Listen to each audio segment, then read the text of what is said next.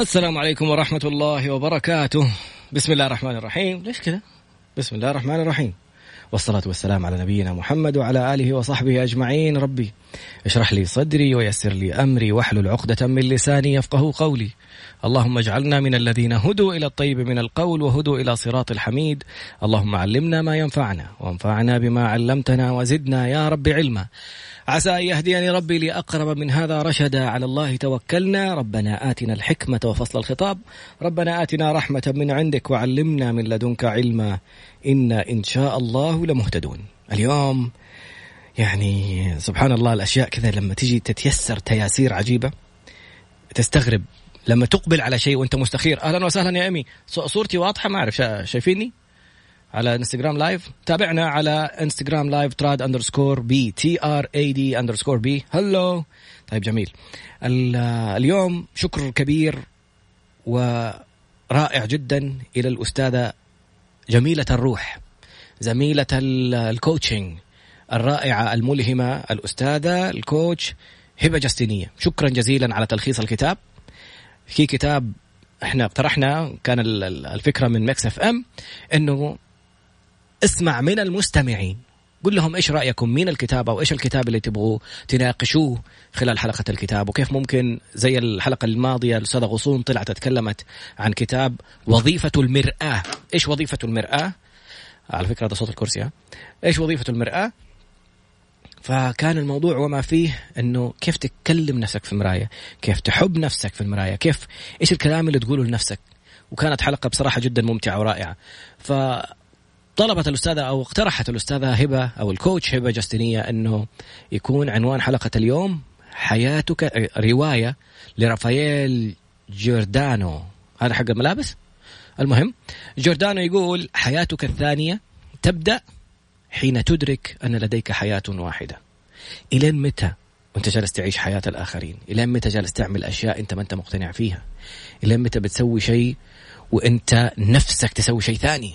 ف كان من المفترض إنه تطلع معانا فقالت أنا ماني مستعدة لكن أو بالأصح عندها انشغالاتها وكذا. فقالت لخصت لكم الكتاب. الكتاب 287 صفحة سهرت عشان تعطينا ملخص الكتاب. هل ترونني بوضوح؟ هناء القصبي ما شاء الله أستاذة زينب النجار كلهم ما شاء الله على الإنستغرام لايف. بس أنا الظاهر إنه معلق عندي الموضوع. الصورة معلقة. طيب هذه المقدمة حقت موضوع الكتاب. رافائيل جوردانو في كتابه أوه طلعت حرمة. أنا كنت عارف بس بختبرك. شوف تعرف رافائيل هذا يعني رجل ولا امرأة. رافائيل جوردانو في كتابها حياتك الثانية تبدأ حين تدرك أن لديك حياة واحدة أو حياة واحدة. تقول الكاتبة أن أنا أحلم باستطاعة كل إنسان أن يحدد مواهبه ويتحمل مسؤوليته ومسؤولية سعادته لأنه ليس هناك ما هو أهم من أن يعيش المرء حياة بمستوى حياة طفولته. رحلة سعيدة. بعدين يبدأ الموضوع. سبحان الله المقيت. مقيت من القوت. وناس قالوا من التوقيت إنه كيف كل شيء عنده بمقدار كل شيء لسبب. في الفقرة القادمة حقول لك ليش قلت هذه الكلمة. أعمال فنية رائعة. بإمكانك الاستماع إلينا عبر موقع Mix FM Mix FM SA dot com M I X FM SA dot com لا أعلم ماذا يحصل في في Instagram live بس الآن طلعنا live على الانستغرام بس الصورة ما أعرف كيف طالعة كذا كأنها في تغبيش. لكن في النهاية أتمنى أن تستمع إلينا عبر ال application حق Mix FM Mix FM SA Mix FM Radio هذا ال application حتلاقيه في الموقع الإلكتروني يقول لك حمل التطبيق فحمل التطبيق بعد إذن سيادتك يعني. الموضوع مرة أخرى نعود إليه وموضوع اليوم كتاب رائع للكاتبة رافائيل جوردانو بتقول اس عنوان الكتاب حياتك الثانية تبدأ حين تدرك أن لديك حياة واحدة. كيف تعيش الحياة اللي كنت في طفولتك عايشها؟ ليش بقول سبحان الله؟ سبحان المقيت، سبحان الله اللي هذا الكتاب يطلع هذا اليوم في هذه الساعة لأنه بعد قليل إن شاء الله وبعد البرنامج بإذن الله سأبدأ لأول مرة تسجيل بودكاست والعنوان كيف تكتشف نفسك في حلقات في أول حلقتين كيف تكتشف نفسك أو فالآن المحتوى حق الكتاب كأنه وقود للحلقة اللي نبغى نتكلم فيها. فتقول الكاتبة مرة أخرى أنا أحلم أن باستطاعة كل إنسان أن يحدد مواهبه ويتحمل مسؤولية سعادته لأنه ليس هناك ما هو أهم من أن يعيش الم... أن يعيش المرء حياة بمستوى حياة طفولته. رحلة سعيدة. في عز المطر وحظ تعطل ال GPS لفتاة المبيعات لإحدى الشركات ذات الربحية في يوم ممطر وتعيس وانحراف السيارة وعدم السيطرة عليها وبعد التوهان والخوف والقلق من الصدمة تذهب كاميل إلى بيت أنيق ذو ذوق رفيع ووضع مالي جيد يسكنه سيد يدعى كلاود وزوجته. تتعذر أمامها بأزمتها وبهاتفها الذي لا يلتفظ أو لا يلتقط إشارة التغطية ثم لمحت هذا الوجه ذو التجاعيد الودود اللطيف في هيئته ومنظره هيئة تحث على الحوار والحديث. رجل في الستين من عمره تواصلت مع شركة التأمين التي وعدتها بالمساعدة ثم اتصلت بزوجها الذي لم يبدي اهتماما أو سيدة هذه اللي كانت عجوزة لم يبدي اهتماما بوضعها النفسي أو المادي أو كيفية إصلاح الضرر ودفع قيمة الإصلاح تدبرت الأمر رغم انزعاجها وخيبة أملها. ثم بات كلاود يسأل عن حالها وما إذا كانت على ما يرام. بات يبث فيها الطمأنينة والثبات لأنه شعر بفقدانها للسعادة ومعاناتها للاكتئاب. تسرد معاناتها, معاناتها فيجيبها لا ينبغي أن نأخذ آلام الروح باستخفاف. ويؤكد لها بأنها تعاني من أشكال داء الروتين الحاد أحد أمراض الروح التي تتفشى بشكل متزايد في العالم. أعراض انخفاض في درجة الحافز نوبات دورية من الكآبة فقدان المعالم والحواس خيبات أمل وشعور بالإرهاق والتعب وإيجاد صعوبة في الشعور بالسعادة على الرغم من وفرات الخبرات المادية. شرح لها مصطلح الروتينيولوجي. مصطلح استحدث استحدثته المؤلفة لداء الروتين الروتين الحاد وهو شائع في بلدان العالم لأن أغلب الباحثين والعلماء أدركوا بتزايد أعداد الناس المصابين بهذا الداء الذي يلحق أو يلحق بأضرار كارثية وبتسونامي في الاضطرابات الروحية والمزاجية السوداء.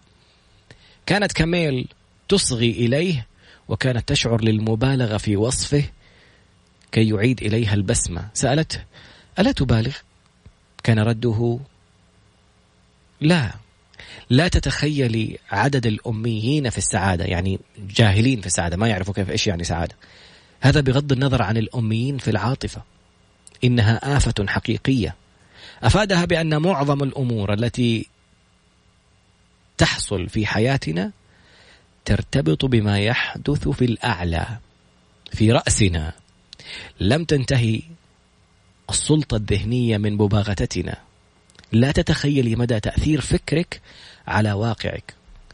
هنالك مصنع الأفكار والمثير أنه مصنع حقيقي تستطيعين تغيير الأفكار منه. ثم أعطاها بطاقة زيارة تثبت أنه routinology. ذا مكتب في شارع في باريس أنه هو مختص يعني في أمراض الروتين. كانت تلملم نفسها ببعض تلك الأفكار التي تقول بأن مشاكلنا تافهة بجانب تلك المآسي. ولكن تذكرت قول كلاود بأنه لا ينبغي مقارنة ما لا يمكن مقارنته. نبغى نوقف هنا قبل ما نكمل في مقياس السعادة ونقول اليوم سبحان الله المواضيع مترابطة لسبب ما في شيء يحدث صدفة. اليوم لقيت voice note من أحد الأخوات في في في سناب شات وهي تبكي وتقول جالسه أطالع في الناس وأشوف كل أحد جالس يشتغل على نفسه ويسوي اشياء وأنا مالي قيمة أنا مالي حياة أنا مالي وجود أنا وجلست تجلد في ذاتها. المصيبة إنها إنسانة ساعية في الخير دائما. عندها الله يحميها بناتها ومربيتهم أحسن تربية. عطوفة جدا ببناتها خدومة جدا للناس. مقارنتك نفسك بغيرك ظلم. أنت جالس تقسو على نفسك. لما تقارن نفسك بنفسك اليوم كيف أنت أحسن من أمس؟ كيف ممكن تكون بكرة أحسن من اليوم؟ إيش الشيء الجديد اللي ممكن تعمله؟ في أمس أدخل أسمع الحلقة اللي قلناها أمس وشوف عجلة حياتك. وشوف إيش الجوانب اللي موجودة في حياتك اللي أنت حاس نفسك إنك مختنق فيها وكيف ممكن مجرد معرفة مكان الألم والاختناق ومعرفة إنك كيف ممكن تعدله هذا 50% من الموضوع انتهى. 50% من الألم والبكاء وجلد الذات انتهى. نرجع نتابع مع الرواية الرائعة. حياتك الثانية ستبدأ عندما تدرك أن لديك حياة واحدة فقط بعد قليل إن شاء الله. عدنا مرة أخرى. حلقة اليوم ممتعة جميلة جدا وبتلخيص لكتاب الروائية رافائيل جوردانو. الكتاب اسمه حياتك الثانية ستبدأ عندما تدرك أن لديك حياة واحدة فقط. تكلمنا في الفقرة الأخيرة رجع الانستغرام لايف خلينا نغير الزاوية كمان عشان أيوة عشان الموضوع يصير أوضح.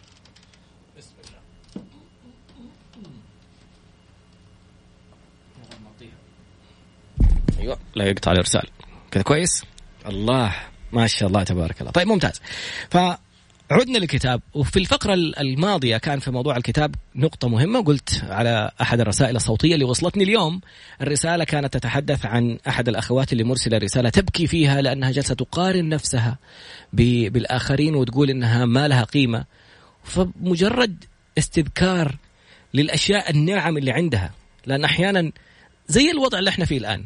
ما كنا مقدرين نعمة الخروج نعمة الأهل نعمة الأصدقاء نعمة العمل نعمة نعم كثيرة في حياتنا ما إحنا مقدرينها. الآن لما منعنا عنها شوية حسينا بقيمتها. في رسمة رائعة منتشرة في الإنترنت يجيب لك الشيء يعني يقول لك تقييمك للشيء قبل ما تحصل عليه مرتفع جدا كذا في أعلى الارتفاعات.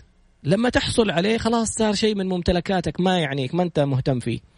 لما تفقده يرجع اهتمامك فيه يرجع يعلى ويا ريت وكيف أنا كان عندي هذه النعم كيف كان عندي هذه الزوجة والأبناء وكيف كان عندي الوالدين كيف كان عندي وماني ماني حاس بيهم يعني كيف ما قدرت هذه النعمة؟ فعلى نفس النقطة كان ردي لها إنه كيف عندك بناتك؟ عندك حياتك كيف حبك للخير؟ كيف سعيك على المسكين وعلى على المحتاجين؟ كيف مساعدتك للناس؟ كيف حبك لإدخال السرور للناس؟ كيف خدمتك للكل؟ هذه سايبتها وجالسة تقارني نفسك بناس عندهم إنجازات أخرى. بعدين حتى لو كنت شايف شخص عنده إنجاز أنا نفسي أكون زيه أو أبغى أكون في هذا المجال. لا تقارن ثمرته ثمرتهم ببذرتك. إذا أنت دوبك بادئ دوبك حطيت بذرة في الأرض جالس تتعلم كيف تقدم مثلا جالس تتعلم كيف آه، تطبخ كيف تلعب رياضة كيف تدخل في أي مجال تنتج تسوي منتجات صوتية ولا إنتاج فيديو ولا موسيقي ولا أي شيء في الحياة. جالس تقارن نفسك في ناس لهم أكثر من عشر سنين. أنت جالس تظلم نفسك. شوف نفسك أنت بعد عشر سنين لما تحترف هذا المجال كيف حيكون إنتاجك كيف حتكون إنتاجيتك كيف حيكون يعني إضافتك للمجتمع ككل. نرجع مرة ثانية للكتاب وتقول فيه كانت بتشتكي أنه واحدة أحد الأشخاص مسمي نفسه ريتونيولوجي يعني مختص في مرض الروتين اللي حطم العالم أدخلهم في اكتئاب. ف بيقول لإنسانة معاه أنه تنتبه لأنه بدأ عليها أعراض ال routinology كانت تلملم نفسها ببعض تلك الأفكار التي تقول بأن مشاكلنا تافهة بجانب تلك المآسي. ولكنها تذكرت قول كلاود ال routinologist بأنه لا ينبغي مقارنة ما لا يمكن مقارنته. مقياس السعادة والتعاسة ليس نفسه عند كل البشر. كانت تؤمن بالناحية النظرية أنها ستسير أو ستسير الأمور يوما ما على أو ستسير الأمور يوما ما على ما يرام. لكن كيف تتجاوز كل هذا التردد؟ كانت تتحجج بروتين زوجها ومتلازمة ابنها من أطفال دوراسيل. الأطفال الذين لا يعرفون التعب. دوراسيل البطاريات.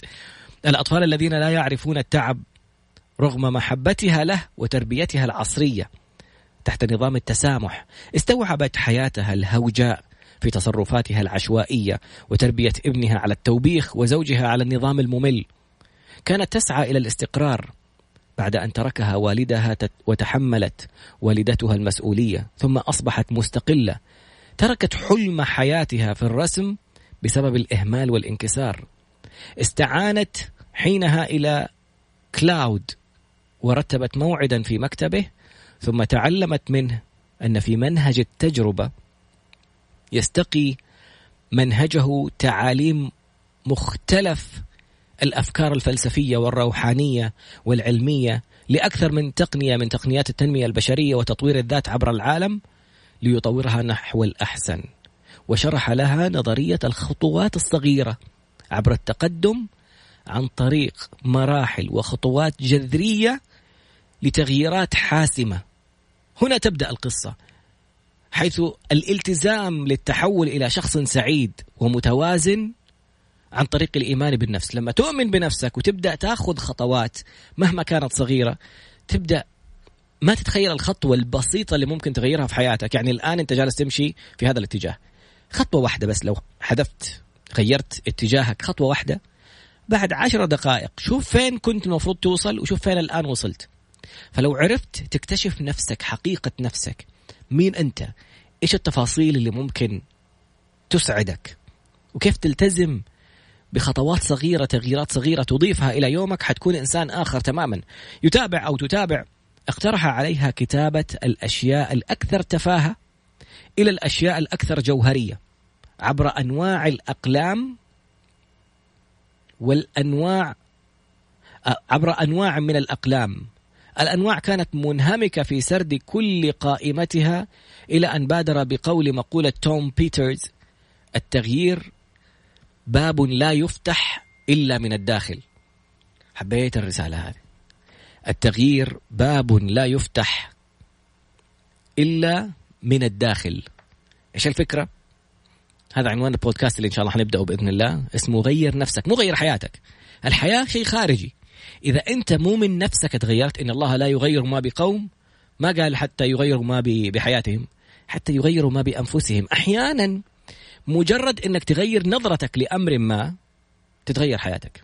يعني الإنسانة اللي كانت تبكي لما قلت لها إذا ربيتي ثلاثة بنات تدخلي جنة في حياتك مجرد إحساسك إنه بناتك حولك ويحبوكي ما أنت راميتهم وسايبتهم وجالسين نشوف البلاوي والمصائب اللي بتصير لمراهقات بيستغلوهم شباب وبتصير مشاكل من كثر ما إنهم بس سايبينهم على وسائل التواصل الاجتماعي وما يعرفوا عنهم شيء. هذا هذا الحال شيء تفتخري فيه.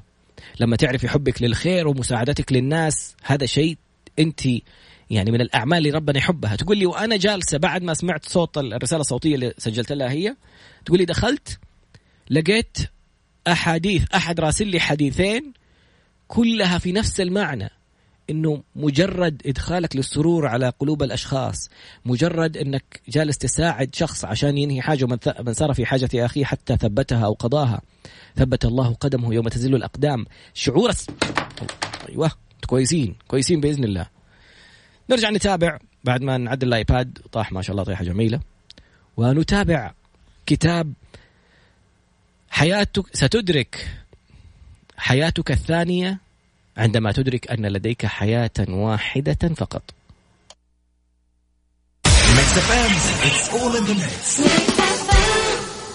سادة بالمربى لا سادة بالمربى أحلى بالسادة. لا أحلى بالمربى طب اصبروا يا أولاد اصبروا. عمرك دكتي سادة؟ لا. عمرك دكتي بالمربى؟ لا. طب يلا جربوا.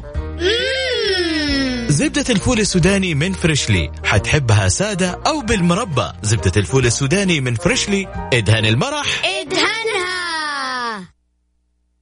الحين ما صارت مشكلة الشباب من يروح يجيب العشاء لأن ماك توصيل تكفل بهالموضوع. الحين المشكلة من يفتح لها الباب. اتصل على 9200 4 صفار واحد للمنطقة الوسطى والشرقية والشمالية أو 9200 06200 للمنطقة الغربية والجنوبية ونجيك لحد عندك.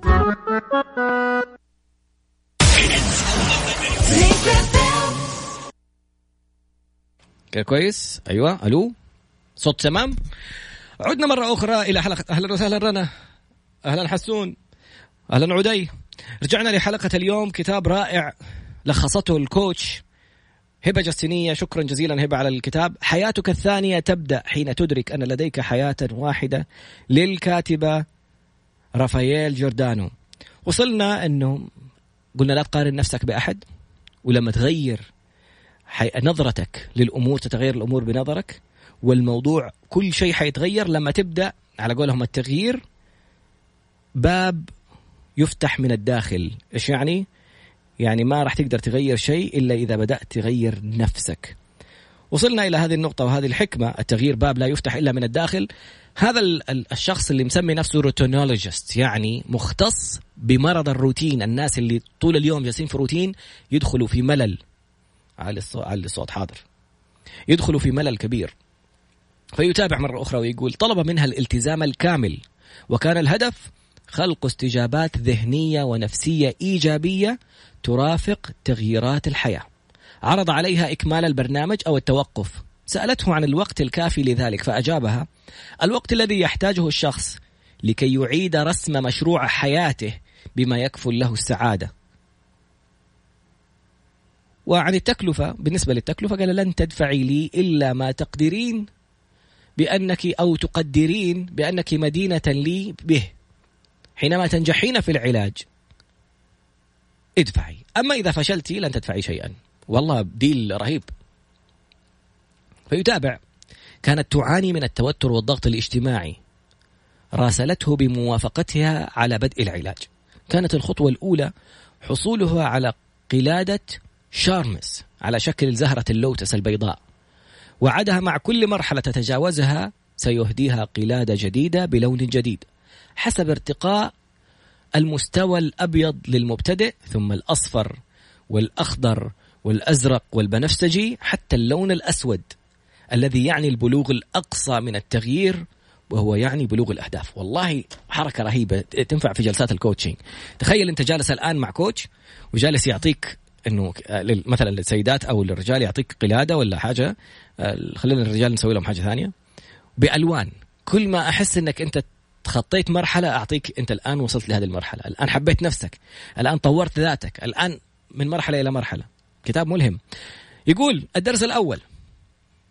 كان في عدم الانتظار ابدا وسلبيته بل تستطيعين البدء بنفسك وكتابة ملاحظات ملاحظة أن أنك المسؤوله عن حياتك وسعادتك. لا لا الكتاب بيتكلم في أشياء غريبة. اليوم بإذن الله سنبدأ بإذن واحد أحد. قل إن شاء الله لا ولا تقولن لي شيء إني فاعل ذلك غدا إلا إن شاء الله. غدا يعني مو غدا أكل. المهم ولا تقولن لي شيء إني فاعل ذلك غدا إلا إن يشاء الله. فالفكرة إنه اشتريت مايك واشتريت اشياء كثيرة عشان أبدأ أسجل بودكاست وجالس أستنى اللحظات الأفضل والمناسبة الأفضل والصوت والعزل وال... إلى أن جاءتني رسالة بطلب من من كلام جميل. اليوم حيحطوا التيزر اللي هو الإعلان. أحد مبادرات باب رزق جميل للتوظيف إنه نبغى نبدأ مع مؤثرين نسجل محتوى صوتي. قلت ممتاز. هذه اللحظة اللي أبدأ فيها البودكاست اللي من زمان أبغى أبدأ اسمه غير نفسك ويصير إهداء لكلام جميل. فالآن الكتاب جالس يلامس هذه النقاط اللي بنتكلم عنها. الدرس الأول عدم الانتظار والبدء مباشرة. تستطيع البدء بكتابة ملاحظاتك وأنك المسؤول عن حياتك وسعادتك. طلبها بعملية البياض العظيم. إيش يعني البياض العظيم؟ أي إعادة ترتيب داخلك. كل ما يبدو ضارا وسيئا بالتوازي مع عملية إعادة ترتيب خارجية في المنزل. خارجية ليش في المنزل؟ لأنه أي شيء خارج محيطك الجسدي هو خارجك. أنت تبدأ من الداخل من نفسك من أفكارك. بعدين حتى ترتيب لك للمنزل كمان ممكن يأثر عليك. وبالتوازي عملية إعادة ترتيب خارجية في المنزل بترميم عشرة أشياء غير مفيدة وترتيب وفرز وتحسين الداخل بكل السبل مع مهلة خمسة عشر يوما مع تصويرها وإمكانية سؤاله في أي وقت. الله! يعني من جد لما تشتغل على مكتب نظيف ترتاح. لما تشيل الأشياء الآن جالس أفكر أنا لما أرجع البيت إن شاء الله. في عبوات زجاجية حقت عطور في عبوات بلاستيكية. أنا ماني راضي أرميها في الزبالة أقول لو انكسرت تعور يعني العمال النظافة ليش ما أحطها في كيس أو Tupperware ولا أي شيء للأشياء الزجاجية؟ مجرد إني أشيلها من قدامي خلاص عيني حترتاح. لما أرتب مكتبي عشان أشتغل في حاجة اسمها clean desk theory إنه إنتاجيتك تزداد إذا كان المكتب اللي تشتغل عليه نظيف. فيبغى لي أصور لنفسي ارسل الموضوع يعني, يعني لي المهم يتابع. يقول لها كل خطوة تسويها صوري وأرسلي لي وأي شيء تحتاجيه كلميني. ثم انخرطت في مهمة الرسالة وقامت بالمطلوب. بعدد بعد تردد كبير ولكنها أنجزت أكثر من المطلوب. بطاقة هائلة وفي النهاية حصلت على مكافأة جميلة. منزل أنيق ومبهج. فعلا الترتيب يريحك كذا. قامت بإرسال الصور لكلاود الذي رحب بالنتيجة وأشاد بها. أحيانا نحتاج أحد يدفعنا. الله رنا يعني متابعة في الموضوع مباشرة. رنا عندهم آه، مبادرة اسمها الجليس. يعني مبادرة رائعة في قراءة زي ال book club بيجتمعوا فيه وبيناقشوا كتب. فبتقول بدأت حاليا جالسة أرمي كل الأشياء القديمة.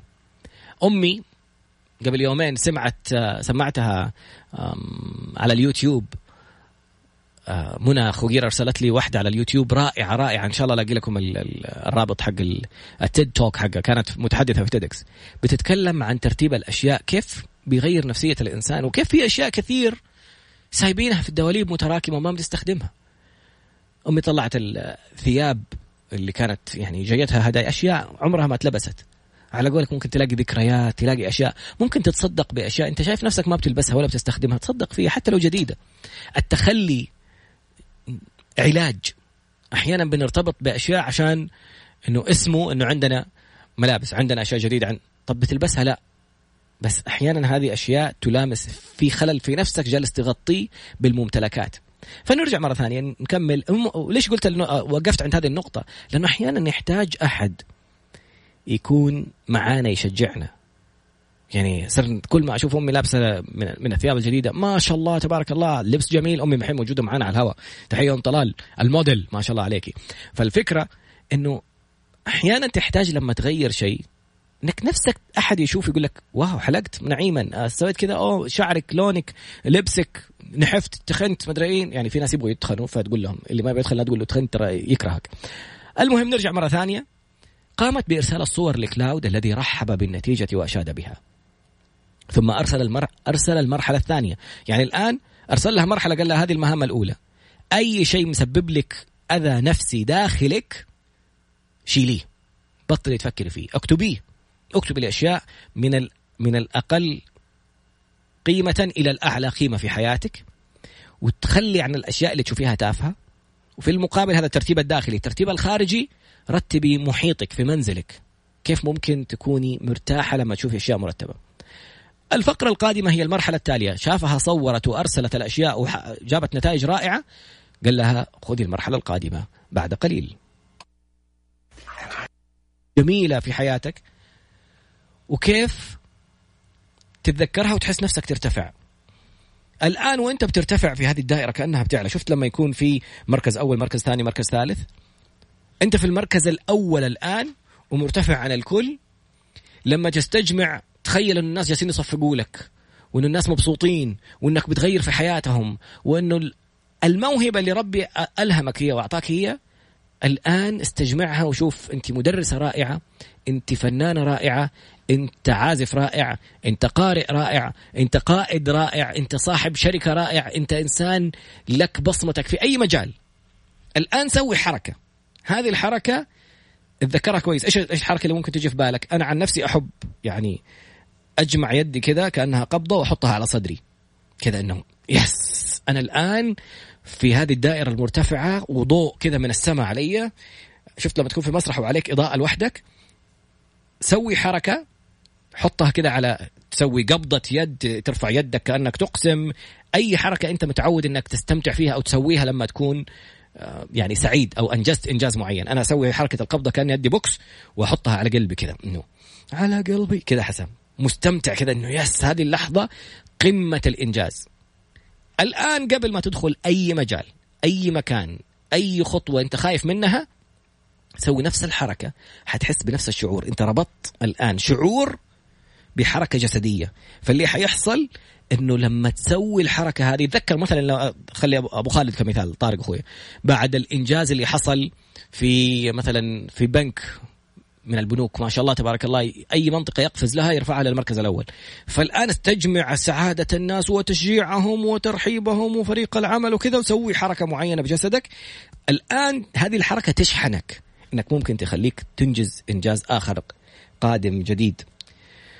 باقي لنا تقريبا سبع دقائق ونتابع فيها إيش الآليات الأخرى. وصلنا في المرحلة أو الخطوات اللي الشخص مستر كلاود علمها على ترتيب الأشياء الخاصة فيها. أوه حبيت آه، رنا بتقول اسمه the leadership pose يعني خذ وضعية القائد يعني حس بقمة قيادتك واتخذ وضعية معينة هذه الوضعية تذكرها كل ما كنت متوتر ترجعك مرة ثانية إلى نفس الشعور اللي كنت تحس فيه.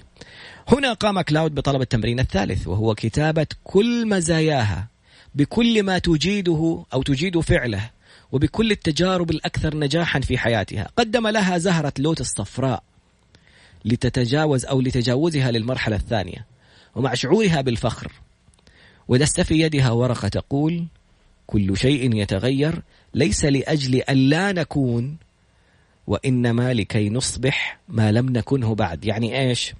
أحيانا أشخاص يقول لك أنا ما أبغى أكون معتمد على بابا وماما ما أبغى أكون موظف. طب هذا الشيء اللي أنت ما تبغى تكونه. طب إيش تبغى تكون؟